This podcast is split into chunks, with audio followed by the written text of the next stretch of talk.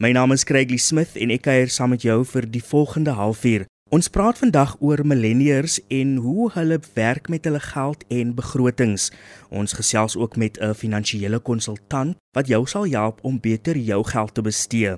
Soos gewoonlik is jy welkom om saam te gesels. Praat saam op Twitter, volg ons by ZARSG en gebruik die hitsmerk rand en sent en jy kan ook 'n SMS stuur na 45889. Onthou elke SMS kos R1.50. RSG, jou keuse tussen 100 tot 104 FM. Ons gesels vandag oor millennials en hoe hulle hul geld bestee.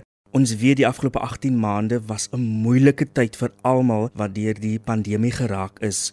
Nou Ruth K is 'n finansiële konsultant en sy kuier vandag saam met ons om ons bietjie meer te vertel oor hoe om met jou geld te werk en hoe jy beter jou finansies kan bestee. Daar is 'n klein persentasie wat wel wat ek wel dink weet hoe om met hulle geld te werk. Hulle ken die konsep van spaar. Maar dan het ons die ander persentasie wat tog wat ek dink lewe dag tot dag en wat geen benul het wat om te doen met hulle geld nie want hulle bly by hulle ouers en die konsep in hulle koppe is dat mamma gaan vir my sorg vir môre. So nee daar is geen probleme vorentoe nie. Ons weet dat baie millennials sal graag die wêreld wil rondreis en miskien hulle self wil bederf, maar hoe belangrik is dit om op jou geld goed te fokus en dit goed te bestuur? Ek sal vir hulle aanraai dat uh, mense onmiddellik moet begin spaar, veral die millennials, want daar is 'n element van tydswaarde van geld. Die manier waarop jy geld voortdurend kan gebruik, dit begin 'n probleem trek. Millennials mors dit op. Hulle soos ek gesê het in die vorige vraag, hulle het geen konsep van van spaar nie, maar as hulle byvoorbeeld net soos 'n R100 begin by 'n R100 'n maand. Dit is dit klink baie min, maar ek sê vir jou voortdurend sal jy besef in 2-3 jaar dat jy het al 'n paar rande gespaar. Ruth, hoe gemaak as jy nie kan spaar nie as gevolg van COVID? Begin klein. Dit is so simpel soos dit. Ek weet dit klink baie moeilik, maar begin klein. Kyk waar jy 'n rand of 2 kan spaar en dit gaan jou bring regtig tot die volgende 50 tot 20 tot 3000 rand. Maar die belangrikste is jy moet begin maak. Doen 'n beplanning van wat jy in die toekoms wil hê en wat jy sien jy wil doen Net soos dit sal jy besef dat daar is baie in jou spaarplan. As finansiële konsultant het sy ook wenke vir millennials om beter te werk met hulle geld. Die vraag is, wat is of is daar wel 'n wenresep? Die tipe wenke wat ek het, um, hulle moet 'n doelbewuste begroting hê en daarvolgens lewe. En dan hulle moet um, betrokke raak by finansiële bronne. Die millennials is baie lucky vandag. Hulle het internet, hulle het Google, doen search is simpel goedjies soos ehm um, hoe om 'n spaarplan bymekaar te sit. Wat om te doen as ek in 'n groter ding be wil beleg, veral as jy 'n bietjie meer weet van jou finansies. So doen dit, gaan search dit, glo my jy gaan enigiets gaan jy daarop vind. Ruth, die soeklig val nou op jou. Hoe bestuur jy jou geld? So wat ek doen, glo my, ek was een van hy wat nie geld gebespaar het. So dit het my 'n bietjie gekos. Dit was dat ek op 'n baie latere stadium begin het gespaar het. Wat ek letterlik doen is elke maand voor ek enige iets, enige enige iets doen, sit ek 'n paar rand weg en ek sê vir myself ek kan sonder dit klaarkom. En elke jaar, nou nie maandeliks nie want jy weet COVID was daar, dan sit ek net 'n bietjie meer weg. So my grootste wenk is probeer spaar. Dit was Ruth K, finansiële konsultant wat met ons gesels het oor hoe millennials beter met hul geld kan werk. RSG, jou keuse tussen 100 tot 104 FM. Kunstenaars en mense in die vermaaklikheidssektor het baie aande slapelose nagte gehad as gevolg van die feeste wat gekanselleer is. RSG het met 'n kunstenaar gesels wat toevallig ook 'n millennial is en gevra hoe gemaak om elke sent om te draai. My naam is Wesley West en ek is 'n musikant, 'n kunstenaar en gedurende die pandemie het ek ook begin werk op filmstelle en ek doen baie mixing of klangmenging vir verskillende goeters. So ek is maar 'n freelancer, 'n vryskutter. Ek is nou 'n vryskutter al vir 3 jaar en ek het dit was maar 'n egalige proses om 'n vryskutter te word. Ek was eers 'n klavieronderwyser 5 dae week waar ek vir mense klavier geleer het, veral kinders, klein kinders en ek het baie gigs gedoen. En ek wou nog altyd 'n vryskutter gewees het want ek hou daarvan om my eie tyd te hê en ook om bietjie meer kreatiewe werk te doen soos komposisie vir films of TV en om musiekvervaardiging te doen vir artists en kunstenaars. Wesley, hoe het COVID vir jou persoonlik affekteer?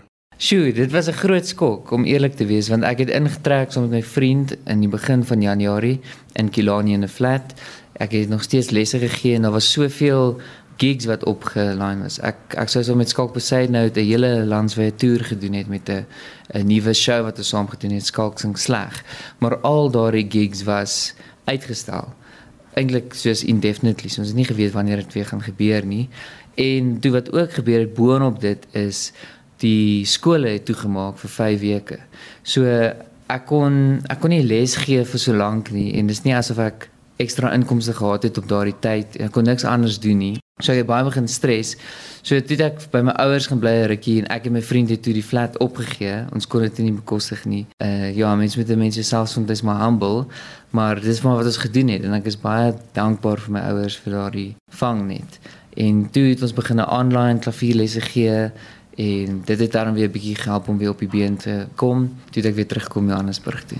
Wesley sê toe hy begin het met aanlyn lesse, was dit nie altyd maklik nie. Eerstens is dit 'n baie groot challenge. So dis baie moeilik want ek gee of ek het altyd vir van graad 1 tot matriek klavierlesse gegee. So om die graad 1 se aandag te hou in 'n normale klaskamer is moeilik, maar aanlyn is dit ekstra moeilik want jy moet hulle aandag hou deur 'n skerm. So ek het my klavier voor my en dan het ek my rekenaar langs in my op 'n musiekstander en dan het hulle dieselfde aan hulle kant. So dan sal ek ietsie speel dan luister hulle en dan speel hulle nou die liedjie vir my.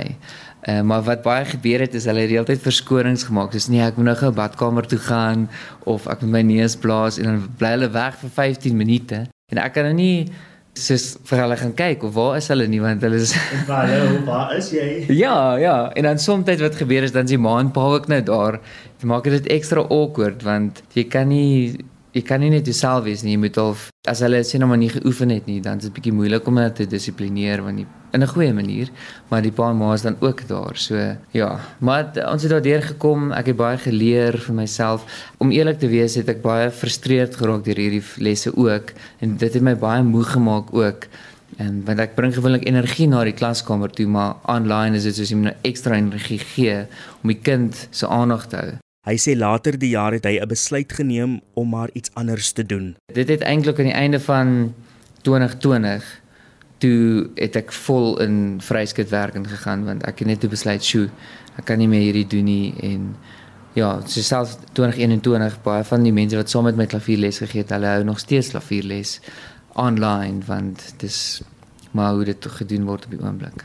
Wesley sê toe hy begin werk het as vryskut, moes hy elke sent omdraai. Ek moes baie mooi gedink het. So ek het meestal by die huis kos gemaak, baie min gaan uit eet of ek het soms gereël dat ek by ander mense uit eet. Dit spaar mense ook geld so of 'n mens sal sê maar pasta. Ek het baie pasta gemaak. So maak ek pasta maandag aand en eet ek die week deur daardie pasta. so dis 'n maklike manier om geld te spaar. Die ander ding wat gebeur het is een van my vriendinne, Bibi Slippers, sy het kus toe gegaan om 'n boek te skryf. Toe het ek in haar woonstel gaan bly en bietjie meer as helfte van haar huur betaal wat nog steeds baie minder was as baie van die huur wat in Linden is om hier te bly. So ek het daar ook geld gespaar deur om haar uit te help en sy het my uitgehelp. So dit was 'n baie goeie verhouding of finansiële verhouding as ek so kan sê. So daad ek met my huur gespaar.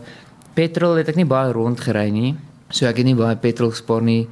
So die klavierles het daarom gehelp. Ek het begine ook in ander goederes ingaan soos uh op om filmstelle te werk as 'n art department assistent of 'n grip iemand wat iets ronddra of 'n ou wat klank opneem iets wat ek nooit gedink het ek sou doen nie so ek het maar ander goeders gedoen as dit waarvoor ek half geswat het en ek dink dit het my gehelp om nie 'n boksie om my eie loopbaan te sit nie en te sê ek is 'n musikant en ek moet net musiek doen om geld te maak nie maar liewer om te sê ek is 'n mens en ek is 'n kreatiewe mens en 'n vryskut mens so ek kan eintlik enigiets doen om geld te maak. Sou jy kunstenaars en vryskutwerkers aanraai om tog maar te spaar en te beplan vir die toekoms?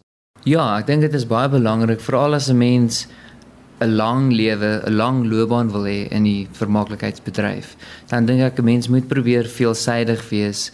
Soos 'n mens moet sê net maar 'n bietjie kan act, 'n bietjie kan musiek skryf, kan sing, skryf, soos 'n uh, draaiboek skryf of wat ook al.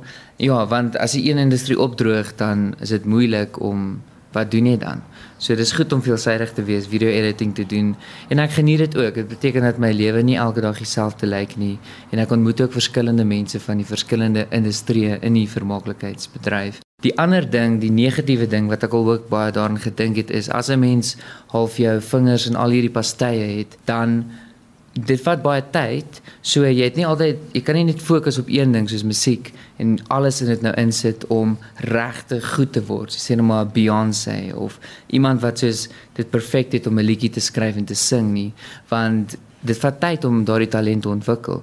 Maar nou ontwikkel jy 10 talente in plaas van om op een te fokus.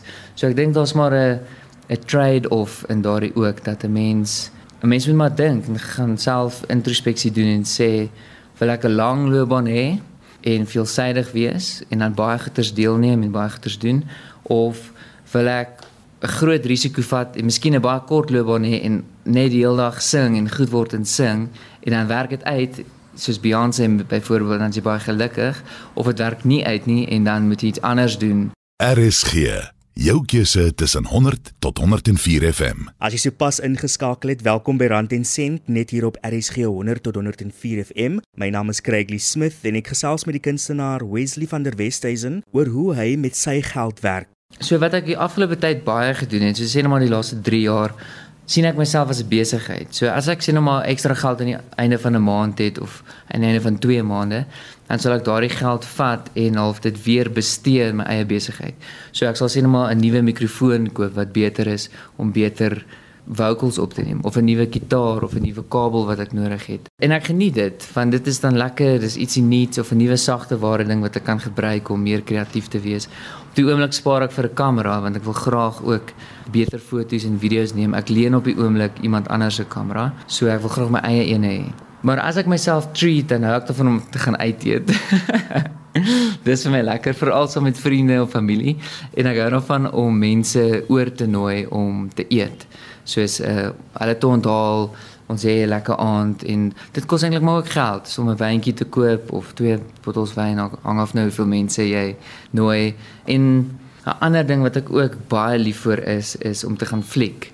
Dit is vir my baie lekker en dit het ongelukkig 'n baie duur uitstappie geword Maar ek dink dit is nog steeds die moeite werd want dit is vir my so lekker ervaring om daar te sit en net te sien hoe hard mense aan iets gewerk het, 'n kunswerk en dan dit te beleef. Dit dan Wesley van der Westhuizen wat met ons gesels het oor hoe hy met sy geld werk en hoe hy dit spandeer. En dit is ook dan die einde van ons program. Onthou, as jy enige van ons programme gemis het, gaan maak net 'n draai op ons potgooi skakel rsg.co.za.